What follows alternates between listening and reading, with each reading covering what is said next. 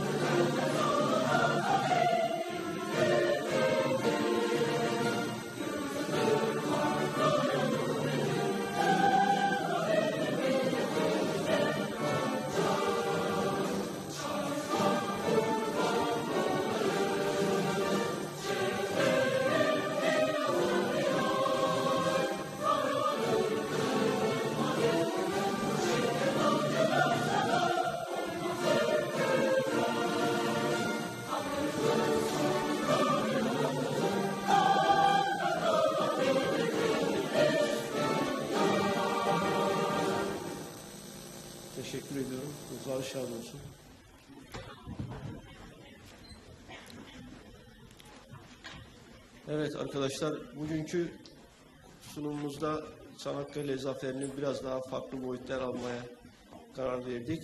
Ee, bugünkü sunumumuzu Marmara Üniversitesi Tarih Bölümünden değerli hocamız, doçent doktor Can Erdem hocamız asker mektuplarında Çanakkale adlı sunumuyla şereflendirdi. Hocam e, zamanı çok fazla şey yapmadan sizi davet ediyoruz. Buyurun. Mikrofon. Mikrofon.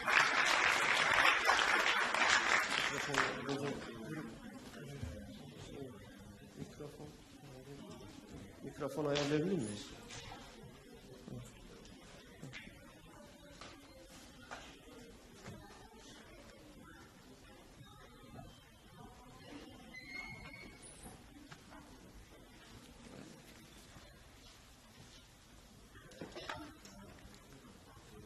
Şimdi getiriyorum. Evet.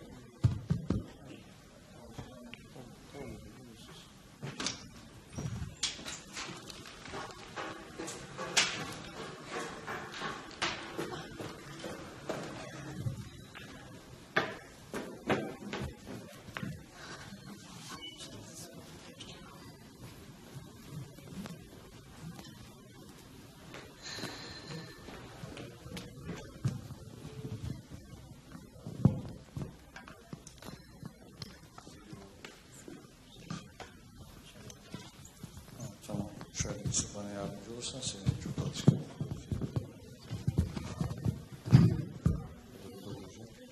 Teşekkür ederim. Sağ ol. Sesim geliyor inşallah. Salonda duyuluyorsa.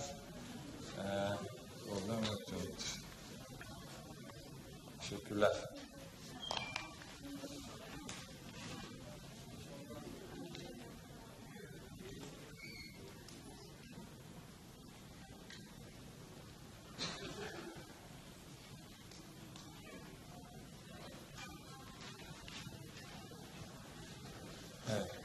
Sayın Dekanım, değerli hocalarım, sevgili öğrenciler, hepinizi saygıyla selamlıyorum. Ee, bu ilk defa geldiğim üniversite burası. O manada da benim için hoş bir deneyim olacak. Ee, bugün Çanakkale Savaşı'nın yıl dönümü biliyorsunuz. Özellikle 100. yılı olması nedeniyle ayrı bir önem atfediyoruz vaka her zaman önemli. İlla 100. yıl olması gerekmez. Ee, ama genellikle böyledir. 100. yıllar e, daha ilgi çekici oluyor. Işıklar da e, gidiyor bu arada ama e, kesinti mi var? Bilmiyorum. Ha, biraz daha şey olursa daha memnun olurum. Biraz daha ışıklı olursa, deminki gibi olursa memnun olurum. Tamam, teşekkür ederim. Şimdi e, biraz değişik bir pencereden bakalım istedik. Çünkü her zaman işte e, belli Çanakkale zaferine belli açılardan yaklaşıyoruz. Elbette bu da son, son derece normal ama asker mektuplarında Çanakkale diye bir başlık düşünmüştük. Mektuplar son derece önemli. Son derece hayatın içinden son derece özel şeyler bunlar ve e, adeta birinci elden belgeler gibi e, o günleri, o e, hissiyatı çok iyi yansıtan metinler bunlar. Şimdi mesela bugün biz e, mektubu hemen hemen günlük hayatımızda hiç kullanmıyoruz. Mektup e, unutuldu neredeyse. Hatta kart dahi, tebrik kartı dahi atılmıyor değil mi? Şimdi cep telefonları var, akıllı telefonlar var. Çok başka iletişim e, metotları var. Mektup çok e, göz ardı edildi veya ikinci plana atıldı. 1915'lerde veya Birinci Dünya Savaşı yıllarında veya 20'li yıllarda, 30'lu yıllarda e, mektubun cep, özellikle savaş yıllarında cepheden cepheye koşan askerlerin hayatında nedenle önemli olduğunu tahmin etmek güç olmasa gerektir değil mi?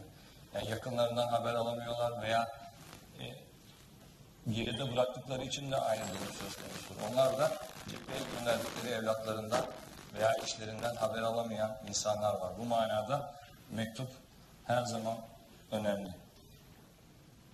Askerlerin cepheden yazmış oldukları e, mektupların bizzat savaşanların harbe ve cephe gerisine ilişkin duygu ve düşüncelerinin yansıtması açısından da büyük önemi var. E, zaten mektupları incelediğin zaman biraz sonra örneklerini de vereceğim. E, bunu rahatlıkla gö- görebiliyorsunuz. Yani o kadar yalın ve sade, içten ifadelerle kaleme alınmış metinler ki bunlar e, keza asker yakınlarına ait e, mektuplarda da aynı duyguyu, aynı hissiyatı e, aynı hissiyatın yansıdığını görüyorsunuz o satırların arasında. Bunlar çok özel mektuplar, başta da söyledim. Çok özel metinler. Bir özelliği çok özel olmaları bu mektupların.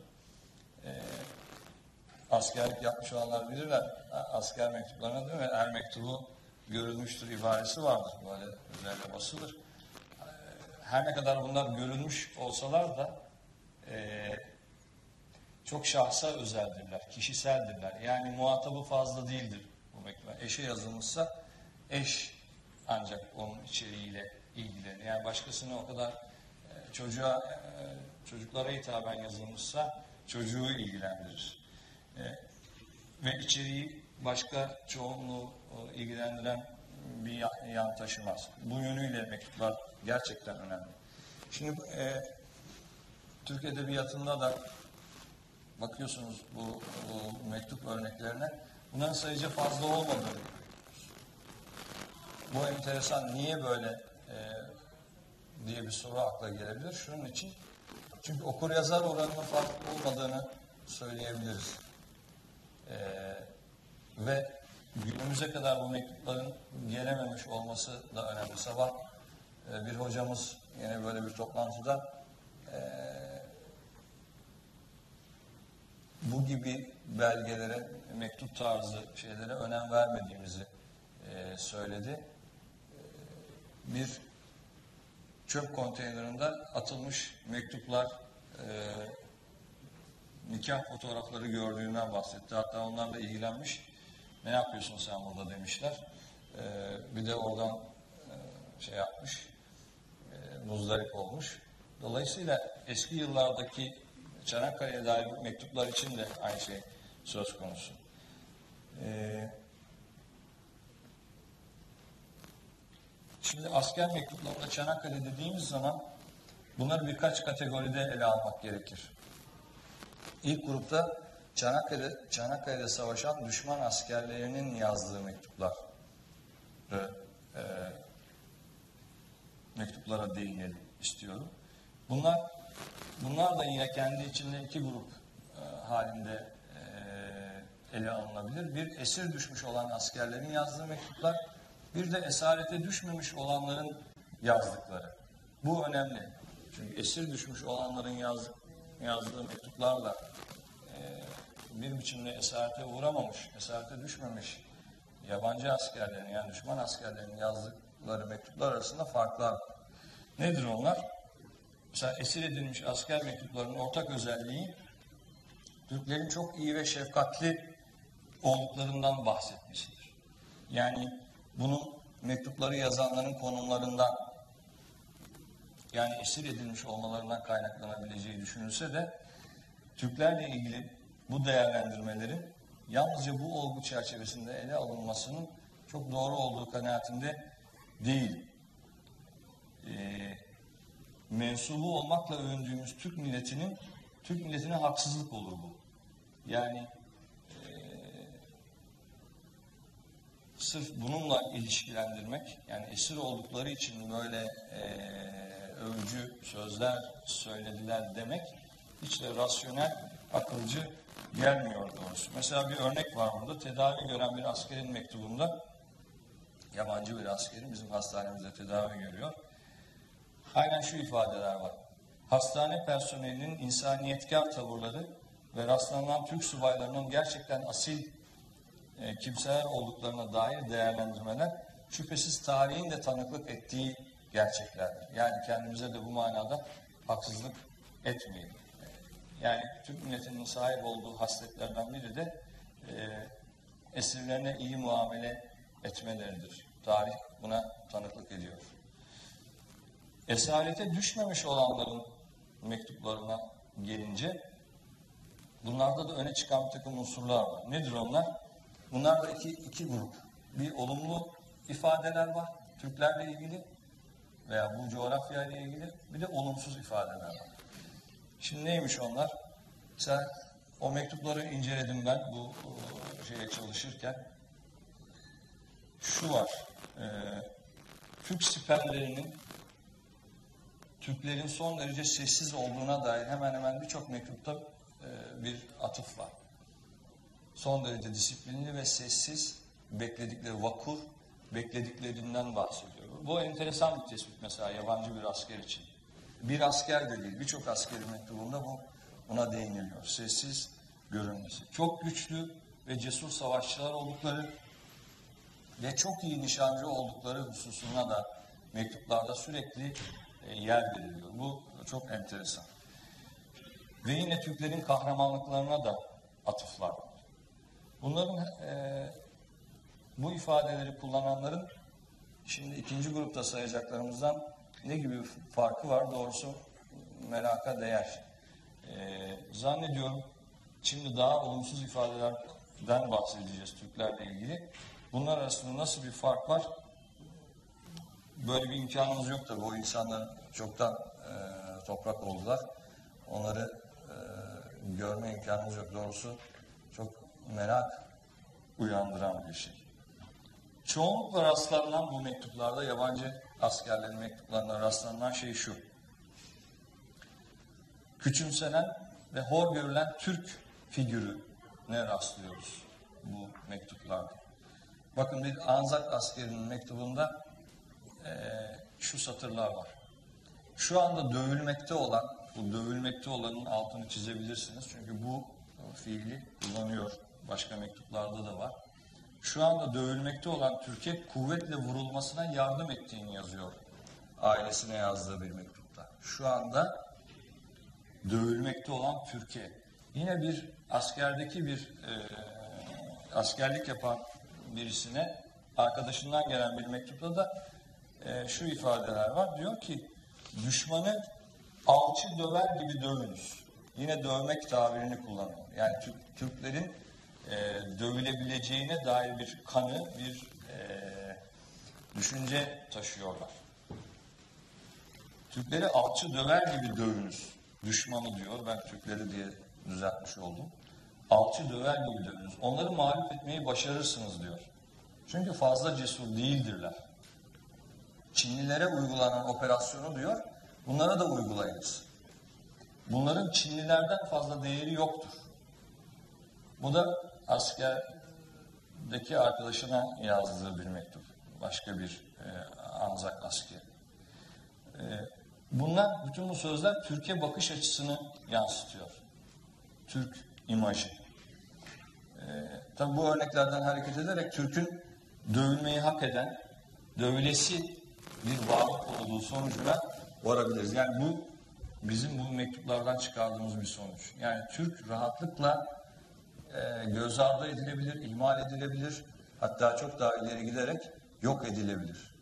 Yani bu şart meselesiyle de tabii çok e, alakalı bir husustur biliyorsunuz. Şart meselesinin de özü hepinizin belki bildiği gibi Türkiye yaşam hakkı tanınmak istenmemesidir son tahlilde. Çünkü Türk her türlü olumsuzluğu bünyesinde barındıran bir tarihi figür olarak tanımlanıyor. Şimdi ondan örnekler vereceğim. Çünkü Türk kötüdür. Başka birçok mektupta şu söylediğim hususlar bu mektuplardaki ortak özellikler.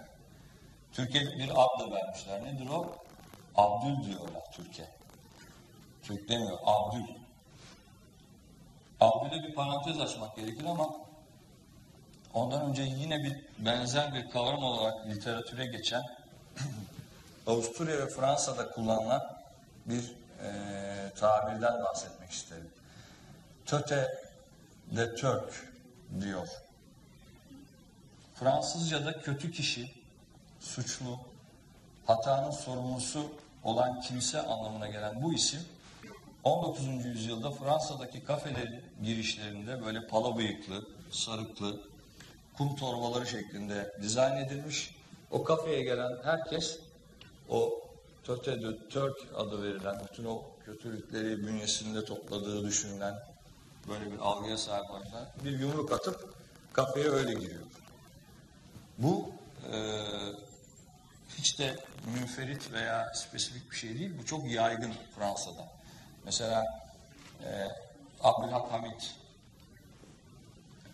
o dönem daha sonra sadrazamlık yapacak olan damat Ferit Paşa mesela Paris'te e, elçilikte katip olarak çalışırken bunlara şahit olmuş e, bu olaylara. Ve yalnızca belirli yerlerde değil. Fransa'nın hemen birçok yerinde bu var. Avusturya'da da keza böyle bir Türk algısı var. Bunu bilmek gerekir. Ve bu e, üzülerek söylüyoruz. Bu algının bugün de çok değiştiğini e, söylemek güçtür.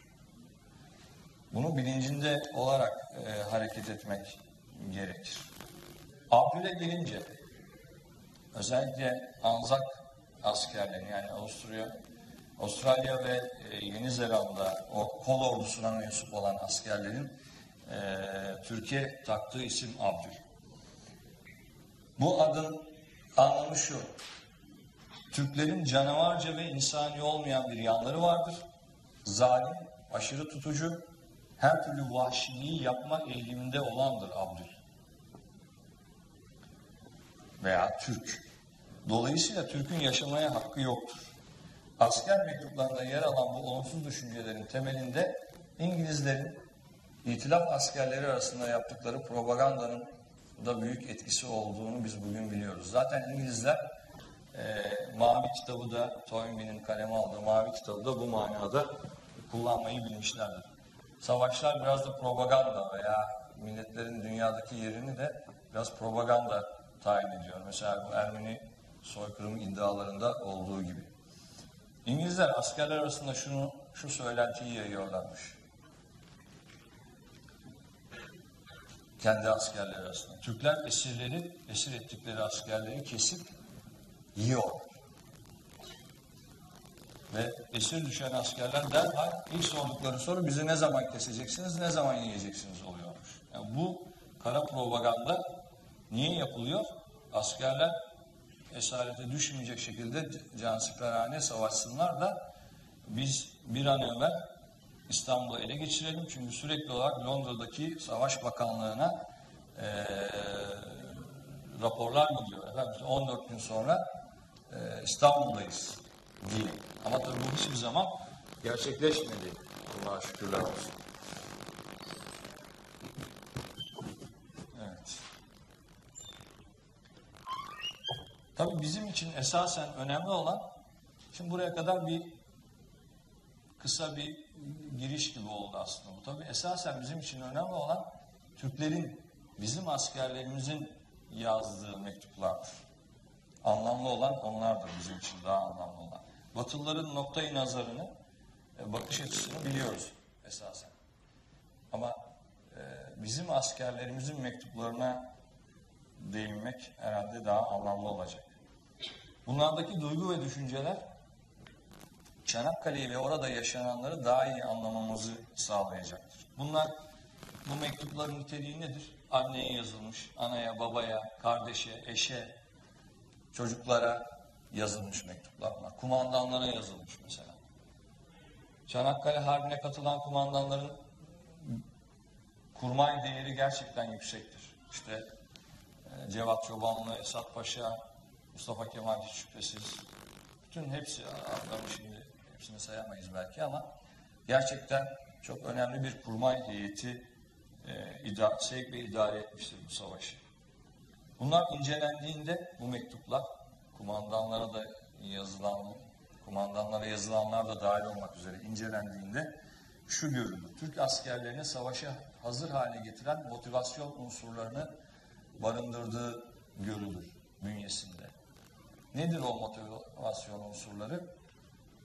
Dini, milli ve bireysel duyguların iç içe geçtiğinin e, geçtiği görülen mektuplardır. Ve Çanakkale'yi en güzel biçimde, en mükemmel bir şekilde tasvir eden metinlerdir. Şimdi e, bazı örnekler getirdim burada. Bu, bu tabii benim bu e, sıradan konuşmamdan çok daha edebi ve kulağa hoş gelen satırlar paylaşacağım birazdan sizinle. Mesela Hasan Ethem isimli bir askerin annesine yazdığı mektup e, demin ifade ettiğimiz dini, milli ve bireysel duyguların harmanlandığı e, önemli bir metin olması açısından önemli. E, değerli. Önemli demeyeyim de değerli. Bakın bir anneye bundan daha güzel bir hitap olabilir. Elbette anneler en güzel hitapları hak ederler ama buradaki ifade insanı e, duygulandırıyor bakın. Hasan Ethem annesine nasıl hitap etmiş? Dört asker doğurmakla iftihar eden şanlı Türk annesi. Bakın devam ediyor mektubunda Hasan Ethem. İçinden öğüt alınacak mektubunu Divlin Ovası gibi güzel, yeşillik bir ovacığın ortasından geçen derenin kenarındaki armut ağacının altında otururken aldım. O güzel çayın koyu yeşil bir tarafında çamaşır yıkayan askerlerin saf saf dizilmişler. Gayet güzel sesli biri ezan okuyordu. Ey Allah'ım! Bu ovada onun sesi ne kadar güzeldi. Bülbül bile sustu. Ekinler bile, ekinler bile hareketten kesildi. Dere bile sesini çıkarmıyordu. Herkes, her şey, bütün varlıklar onu, o mukaddes sesi dinliyordu. Ezan bitti. O dereden ben de bir abdest aldım. Cemaatle namazı kıldık. O güzel yeşil çayırların üzerine diz çöktüm. Bütün dünyanın dağ dağı ve debdebelerini unuttum. Ellerimi kaldırdım, gözümü yukarı diktim, ağzımı açtım ve dedim. Ey alemlerin Rabbi! Ey şu öten kuşun, şu gezen ve meleyen koyunun, şu secde eden yeşil ekin ve otların, şu heybetli dağların haliki. Sen bütün bunları bu Müslüman Türk milletine verdin. Yine onlarda bırak. Çünkü böyle güzel yerler seni takdis eden ve seni ulu tanıyan bu millete mahsustur. Ey benim Rabbim! Şu kahraman askerlerin bütün dilekleri ismi celalini İngilizlere ve Fransızlara tanıtmaktır. Sen bu şerefli dileği ihsan eyle ve huzurunda titreyerek böyle güzel ve sakin bir yerde sana dua eden biz askerlerin süngülerini keskin, düşmanlarını zaten kahrettin ya, bütün bütün mahveyle diyerek bir dua ettim ve kalktım. Artık benim kadar mesut, benim kadar mutlu bir kimse tasavvur edilemezdi. Diye devam ediyor. Bakın eee, şunu demin söylemiştim. Bu mektupların sayısı gerçekten az. Mesela birçok örnekte bunları kaleme alanların eee, işte ön yüzbaşı yani kulağısı rütbesinde veya daha teğmen işte yani okur yazar olanlar bunları kaleme almışlar. E, Onun için sayıları da fazla değil bunlar. Onun için bunlar e, son derece değerli. Mesela bir diğeri yaralı e, savaşta yaralanıyor ve hastanede tedavi görüyor. Mehmet Çavuş isminde biri kumandanına yazıyor. Tabur komutanına hatta yazdığı mektup. Vatan toprağı için gösterilen fedakarlığın bir numunesidir. Bakın çok kısa bir mektup bu. Bunu da sizinle paylaşmak isterim. Ee, hastanedeki ya- yatağından tabur komutanına gönderdiğim mektupta aynen şunları söylüyor. Muhterem komutanım, sağ kolumu kaybettim. Zararı yok. Sol kolum var. Onunla da pekala iş görebilirim. Beni üzen şey yaramın kapanmamasından dolayı kıtama katılamamam ve düşmanla çarpışamamak. Hastaneden kurtularak halen harbe iştirak edemediğim için beni mazur görünüz. Affediniz muhterem komutanım. Yani bunların eee laf olsun kabiliğinden yazıldığını düşünemeyiz. Yani gerçekten e, hissederek yazılmış mektuplardır bunlar. Yani yoksa e, böyle günümüzün çok reklam seven e, bir e, yapısı var insanlarımız hep reklamı seviyorlar. İnanın çok samimi satırlar bunlar. Gerçekten hayıflanıyor yani e, yaralı olduğuna ve cephede arkadaşlarının yanında bulunamadığına hayıflanan bir e, vatan evladının e, sözleri bunlar. Tabii burada çok önemli bir e, husus daha var. Nedir o? Bütün bu mücadelenin yani orada gerçekten Akif'in de belirttiği gibi büyük bir e, hesaplaşma oldu. E, bütün bu girişilen savaşın, verilen mücadelenin mücadelenin düşmanlar açısından nihai hedefi neresiydi arkadaşlar? İstanbul. Bütün vaveyla, bütün bu hercümerç İstanbul'u ele geçirmek ve dolayısıyla Türklüğe yaşam hakkı tanınmak istemeyen Türklüğe bir nihayet verilmesiydi. Ve hedefin, burada savaşanların hedefin İstanbul olduğunun bilinciyle payitaht ve İstanbul olduğunun bilinciyle eee mücadele ettiklerini biliyoruz. Çünkü böyle bir mektup var. Bakın nihai hedefin İstanbul olduğu bilinciyle kardeşe yazılan bir mektuptan bahsedeceğiz şimdi. Ve İstanbul düşman eline geçmesin diye bu mektubunda, kardeşine yazdığı bu mektupta eee, bir yemin ediyor. Bu tabi hiç şüphesiz yüksek bir sadakat ve vatan sevgisi örneğidir. O da kısa bir mektup ama çok etkileyici. Sevgili kardeşim Müfit Necdet'e hitabıyla yazılmış. Sert, kısa ve emredici bir ses gecenin mahmur karanlığı üzerinde uçuştu. İstikamet 34 nolu savunma noktası. Başlar sola, ayaklar sola, mangalar sola döndü. Artık yüksek, çetin, çakıllı, manalı bir dağ tırmanılıyordu.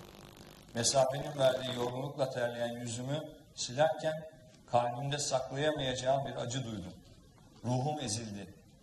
Gözlerimde hayaller Beynimde birer birer mazinin tatlı hatıraları dolaştı. Batıya döndüm. İstanbul'un beyaz ufuklarına doğru üç senedir hasret çektiğim bir mevcudiyetin hayaline yemin ettim. İstanbul bir hayal. Bakın ne diyor? Üç senedir İstanbul'dan uzakta olduğunu anlıyoruz bu satırların yazarının ve herhalde eee, biz o canım İstanbul'u koruyamadık. Oraya da bir parantez açmak gerekir. Yani şu İstanbul eee, bugünkü o günkü İstanbul'la bugünkü İstanbul arasında dağlar kadar fark var elbette.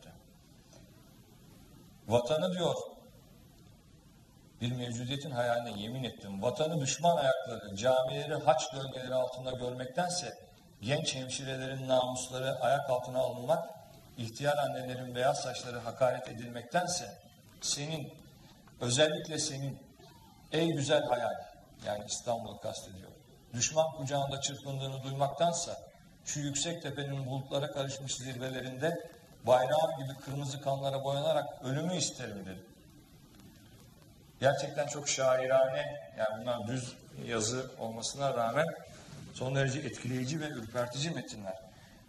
Ee, vaka tabii umarım ben yanılıyorumdur ama bunları anlamanın biraz uzağına düşmüş e, bir toplumsal psikoloji e, içerisinde olduğumuz görülüyor. Umarım ben yanılıyorumdur. Yani burası için konuşmuyorum.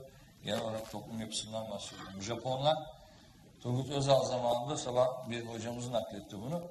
Turgut Özal zamanında Vehbi Dinçerler'in bakanlığı sırasında buraya geldiklerinde şöyle bir tespit yapmışlar. Sizin, sizin eee, sizde milli şuur eksikliği var. Bizde hep lafta var da uygulamada milli şuur konusunda biraz sıkıntımız var şüphesiz. Ee, ve bir belki çoğunuz duymuşsunuzdur bunu bir Japon çocuklarına bu milli şuurun nasıl verildiğiyle ilgili bir örnek vermişler, anlatmışlar. Japonlar çocuklarını küçük yaştan itibaren teknolojiyle tanıştırıyorlar. Malum biliyorsunuz zaten Japonlar teknolojide son derece ileridir. Ve belli bir yaşa geldikten sonra onları, o çocukları o İkinci Dünya Savaşı sonunda harap hale gelmiş Nagasaki'ye ve Hiroşima'ya götürüyorlarmış. Ve onlara şunlar, yani o bütün o gelişmiş Japonya'yı gören ve ardından o mahvolmuş toprakları Nagasaki'yi ve Hiroşima'yı gören çocuklara şunu söylüyorlarmış. Çok çalışmalı ve mutlaka başarmalısınız. Aksi takdirde akıbetiniz buradaki gibi olur. Ve bu e, hiç şüphesiz e, Japon çocukları için önemli bir ders olsa gerek. Yani Allah'a şükür biz böyle e, atom bombası atılmak suretiyle teslim alınmak gibi bir deneyim yaşamadık. Allah da göstermesin nükleer bir bomba. E, bu örneği vermek zorunda hissettim kendimi çünkü e, biraz e, işi e, uygulama boyutunda ya- yalnızca lafta kalıyor bizim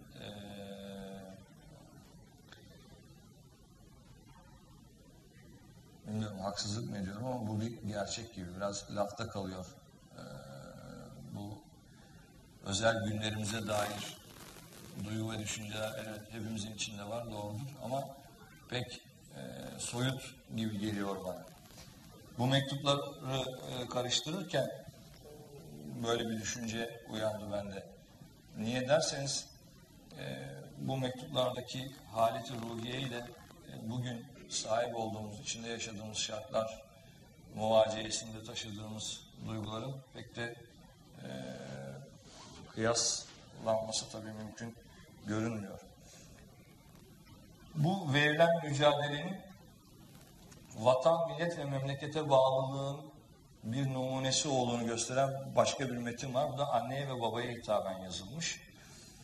Ee, şehitlik mertebesine ulaşabilmenin ne kadar kıymetli olduğunu anlamış bir vatan evladının satırları bunlar. Annesine ve babasına yazmış. Bakın.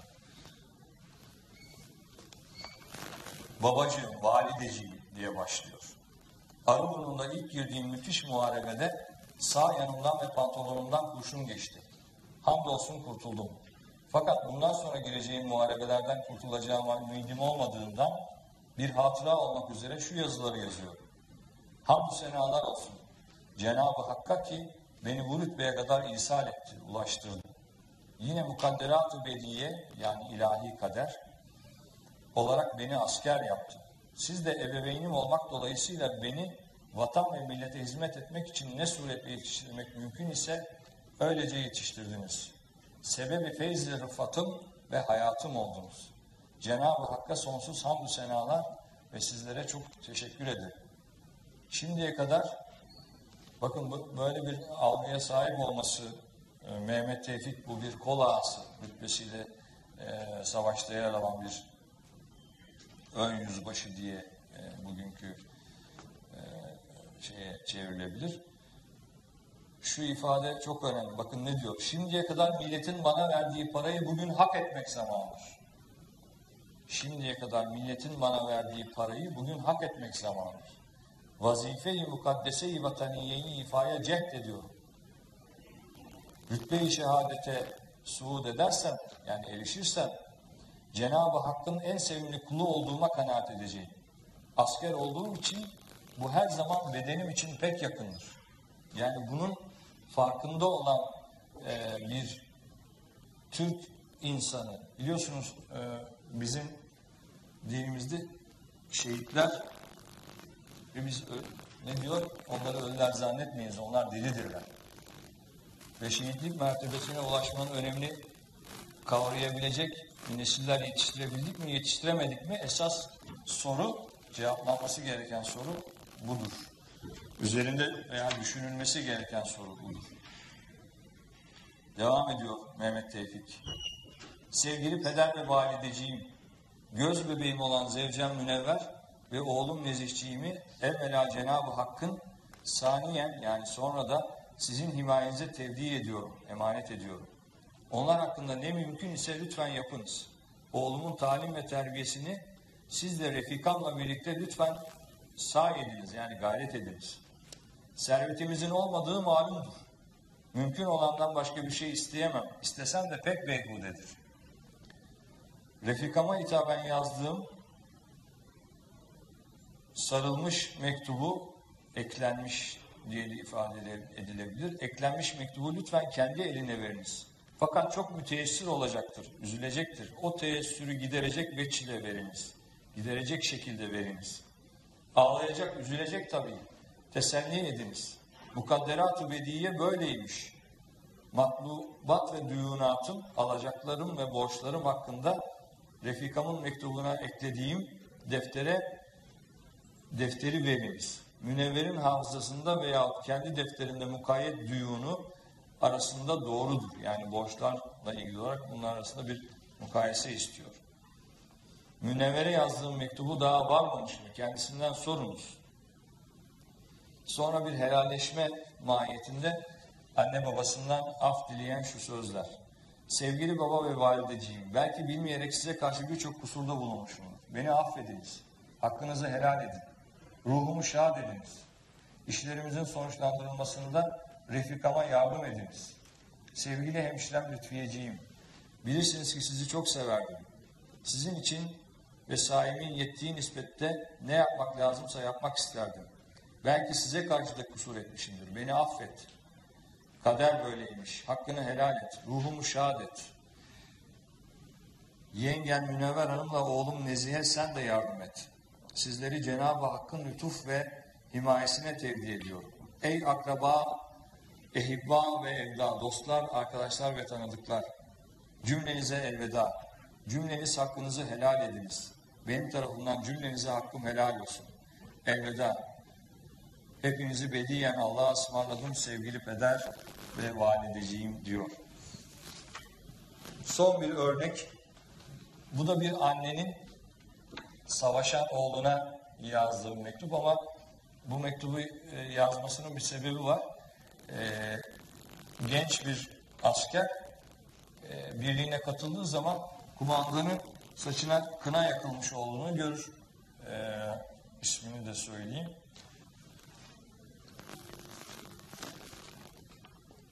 efendim Hasan isimli bir asker. Ee, Ve ona diyor hiç erkek kınalanır mı diye soruyor e, Hasan'a.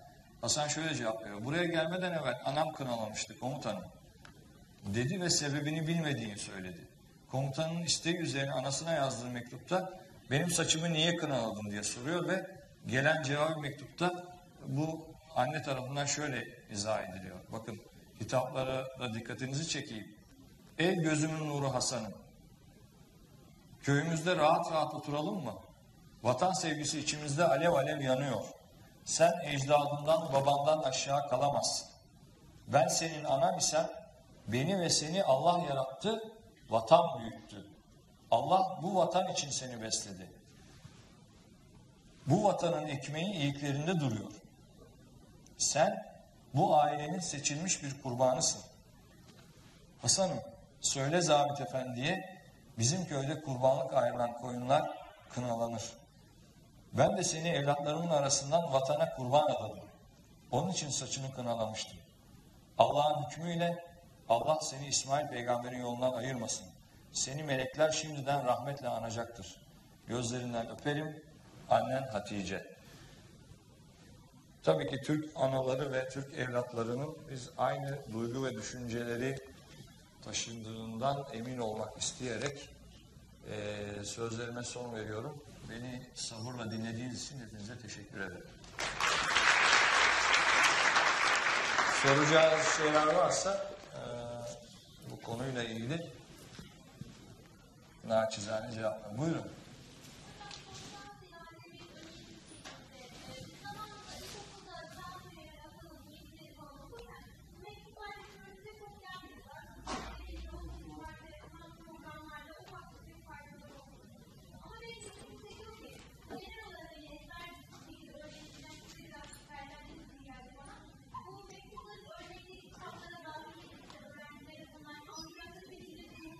Kesinlikle haklısınız. Tabii ki çok doğru bir şey söylediniz. Zaten gençler hep doğru şeyleri söylüyorlar. Hani e, ama işte sizlerin hani uygulamada fazla ettiğiniz olmadığı için doğrudur bu. E niye peki böyle bu? Bu, bu önemli bir soru aslında veya önemli bir değerlendirme. Çünkü milli olduğu söylenen eğitimin bu vasfı eksik. Nasıl bir milli eğitimse bu, bu bizim çocuklarımız bu mektuplardan bir haberler. Demek ki ortada çözülmesi gereken sizin de isabetle e, teşhis ettiğiniz gibi bir sorun var. Niye biz bunlarla veya sizler bu seviyede karşılaşasınız değil mi? Daha önceden bilgi sahibi olmamız gerekir. Ve bu ruhu ya bir meşhur söz var. Ağaç yaşken eğilir. Değil mi? Belli bir şeyden sonra kişiliğe oturduktan sonra insan onu fazla eğip bükemezsiniz. Yani ona bir şekil veremezsiniz. Teşekkür ederim yani bu yorum için ama herhalde e, hepimiz aynı istikametiz. Bunu acaba duyması gerekenler duyar mı bilinmez. İnşallah e, bir, ama sizler ileride belirli noktalara geldiğiniz zaman buna dair bir kaygı taşıyacak olursunuz. Bu, bu bir kazanımdır bizim için. Teşekkür ederim.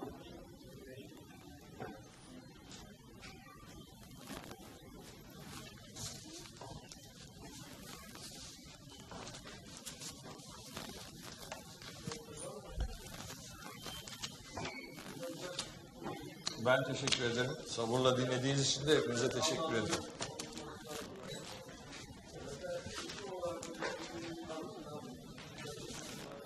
Teşekkür ederim. Ha, onu şey,